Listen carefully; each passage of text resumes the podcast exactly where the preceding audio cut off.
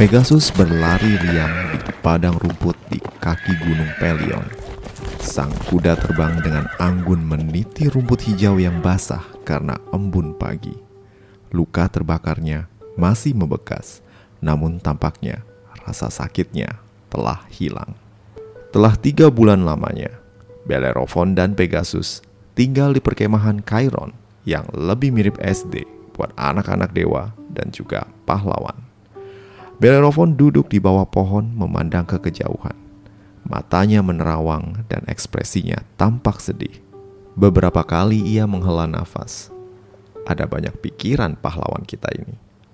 Kabar yang disampaikan oleh Chiron tentang Aetra, tunangannya, membuatnya galau. Aetra, putri Raja Trozen, tunangannya, konon telah mengandung tanpa ketahuan siapa ayah dari janinnya. Bellerophon menyesali nasib yang tak berpihak padanya. Sang tunangan sekarang telah menjadi milik seseorang yang tak juga bertanggung jawab akan apa yang dilakukannya. Dalam benak Bellerophon, ia mengutuk nasib dan menyalahkan dirinya yang secara tak sengaja mengakhiri hidup adiknya dan secara tidak langsung membuat Aetra terlunta-lunta.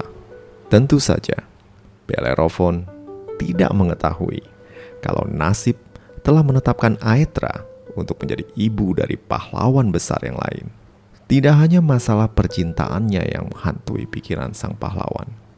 Perkara Kimera yang kini makin merajalela di Likia itu pun mengganggu pikirannya. Bellerophon tak sanggup hidup dalam kekalahan dan melihat lawannya tengah berpesta barbeque di Likia membuatnya tak bisa tenang. Gimana caranya ngalahin makhluk bernafas api yang gak mempan panah? Dideketin, disembur api. Dipanah dari jauh, gak mempan. Didiemin, tambah galak. Gimana nih?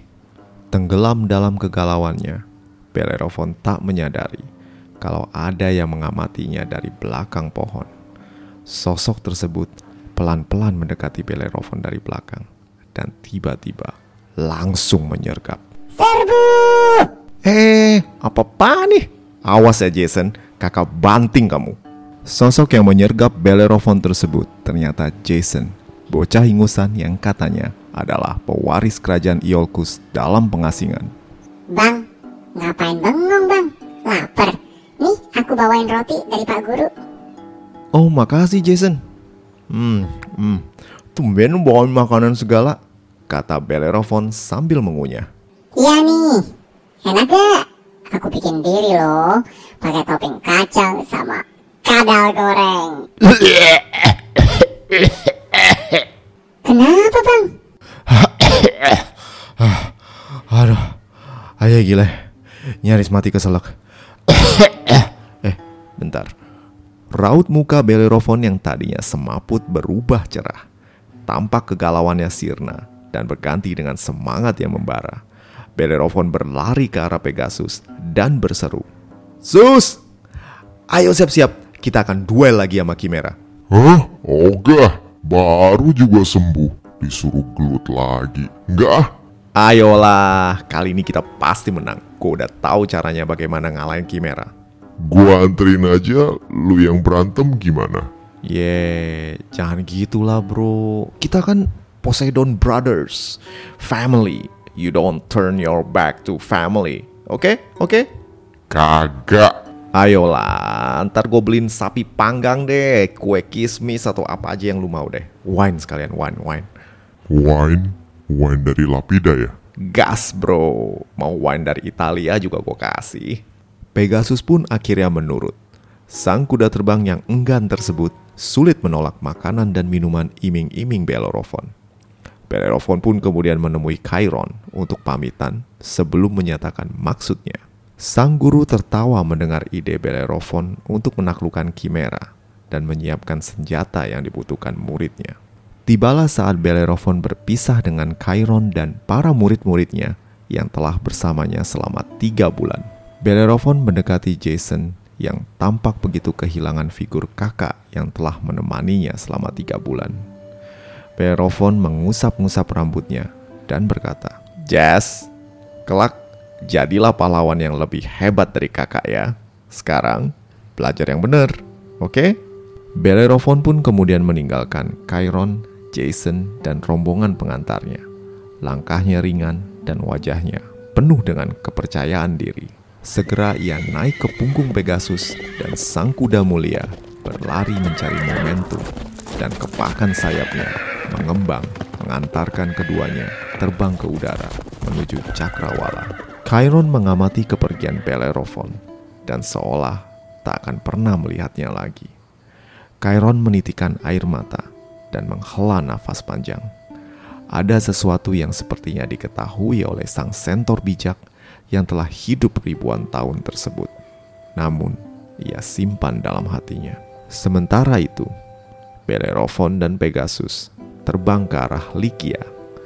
Tiga bulan telah berlalu sejak kekalahannya dari Kimera, dan kabar yang datang dari negeri di seberang lautan ini tidaklah baik. Raja Iobates telah kelimpungan menghadapi amuk Kimera yang telah membakar banyak kota di Likia, Limera, Sidima, bahkan Telmesos yang berada di atas pegunungan tak sanggup luput dari serangan Kimera yang melulu lantahkan kota-kota Likia. Bukannya Raja Iobates hanya duduk-duduk santai di istana, dirinya telah mengirim banyak pasukan dan pahlawan namun tidak ada yang pulang dengan selamat. Negeri yang dulu dikenal subur dan merupakan pusat peradaban, kini merupakan tanah tandus dengan sisa api yang membakar. Bellerophon melihat dengan ngeri apa akibat kekalahannya tiga bulan lalu. Kehancuran tanpa pandang bulu telah menelan begitu banyak nyawa. Bellerophon dan Pegasus bergegas mencari sang pemantik bencana Pegasus yang telah mengenali bau kimera melacaknya sampai ke sisi pegunungan dekat dengan Olympos, tempat pertempurannya dengan Kimera dulu. Di sana, di gua dekat dengan pantai, si monster tertidur. Jasad manusia dan ternak tampak berserakan di sekitarnya, menimbulkan perasaan mual dan sendu. Bellerophon mengambil busur dan panahnya, lalu mengarahkan panahnya ke mata kepala kambing Kimera yang terpejam. Bellerophon tahu panahnya tak akan melukai Kimera seperti yang sudah-sudah. Tapi sang pahlawan ingin memancing sang monster masuk ke dalam pertempuran bersamanya. Panah melesat dan tepat sasaran, namun memantul ketika menyentuh mata sang kambing. Kimera pun terbangun dan melihat ke sekeliling mencari siapa yang berani mengganggu tidur siangnya.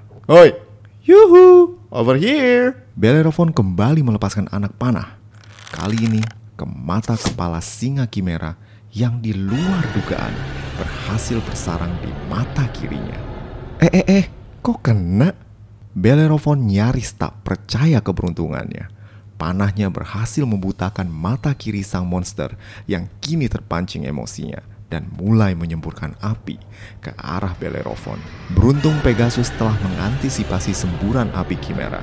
Sang kuda mulia dengan gesit menghindar dan terbang ke atas jauh dari jangkauan api Kimera. Kimera geram melihat sang buruan yang terbang pergi dan dengan sekuat tenaga menghembuskan nafas apinya lagi ke arah Pegasus. Keduanya terkejut dengan besarnya api yang disemburkan oleh Kimera dan nyaris kedua bersaudara ini kebakar lagi.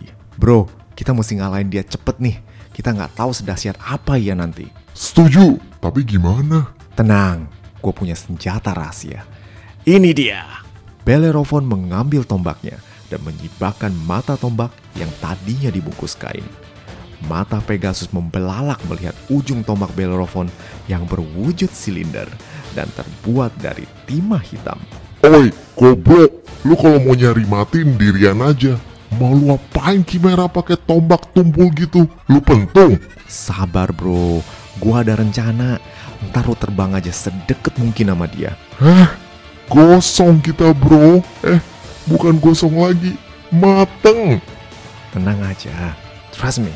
Pegasus pun kemudian lagi-lagi harus menurut ide gokil Bellerophon yang gak wajar tersebut.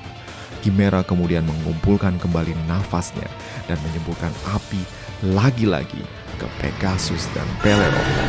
Pegasus dengan susah payah menghindar dan setiap semburan semakin kuat dan panas. Tapi setiap kali menyemburkan api, Chimera butuh waktu untuk mengumpulkan nafasnya. Dan inilah momentum yang ditunggu oleh Bellerophon. Pegasus, ayo! Pegasus melesat maju ke arah Chimera, bagaikan banteng menuju Matador. Mata kanan Chimera membelalak melihat kenekatan lawannya dan bersiap menyeburkan api lagi. Rahangnya terbuka dan cahaya api mulai menyeruak dari rahangnya, berusaha memancar keluar. Sekarang! Mendengar aba-aba dari Bellerophon, Pegasus menghindar ke arah kanan, sementara Bellerophon melompat ke arah kiri dengan tombaknya. Tangan kanannya menggenggam erat ombak silinder tersebut dan melemparkannya ke mulut Chimera yang menganga. Celup! Tepat sasaran. Chimera terkaget-kaget dengan tombak yang kini nyangkut di kerongkongannya. Panas api yang nyaris keluar dari rahangnya membakar dan melelehkan ujung tombak silinder Bellerophon. Chimera mungkin kebak senjata tajam dan api di kulit luarnya. Tapi lelehan logam yang membakar sanggup membuatnya terluka. Belum lagi, timah hitam terkenal gampang meleleh dan membeku. Ujung tombak Bellerophon kini menghalangi Chimera untuk menyeburkan api. Jangankan menyeburkan api, nafas pun sulit. Pegasus dan Bellerophon mengamati bagaimana Chimera berguling-guling menahan panasnya timah yang meleleh di kerongkongannya. Kepala kambing dan ekor ularnya menggelepar, berusaha menghirup udara, memberikan oksigen pada tubuh monster tersebut. Namun sia-sia. Gerak dan ronta Chimera semakin lambat dan akhirnya makhluk mengerikan yang telah mengobrak-ngabrik Ligia tersebut tewas. Konon, tubuh Chimera kemudian menjelma menjadi api abadi yang masih membara di Cirali, Turki, tak jauh dari Olimpos, tempat pertarungan antara Bellerophon melawan Chimera. Bellerophon dan Pegasus telah mengukir sejarah. Kecerdikan dan keberanian Bellerophon telah melambungkan namanya setara dengan para pahlawan Yunani kuno kenamaan dan kelak ia akan dikenang sebagai sang penunggang Pegasus satu-satunya. Demikianlah episode petualangan Bellerophon kali ini. Apakah yang akan menanti Bellerophon selanjutnya? Well, seperti biasa, minggu depan ya. Gue mau ngucapin terima kasih buat Ira yang udah traktir gue di laman traktir mitologi santuy. Buat kalian yang kepengen dukung podcast ini, silahkan mampir aja ke laman traktir mitologi santuy yang tersedia di deskripsi episode. Dah dulu ya, ciao!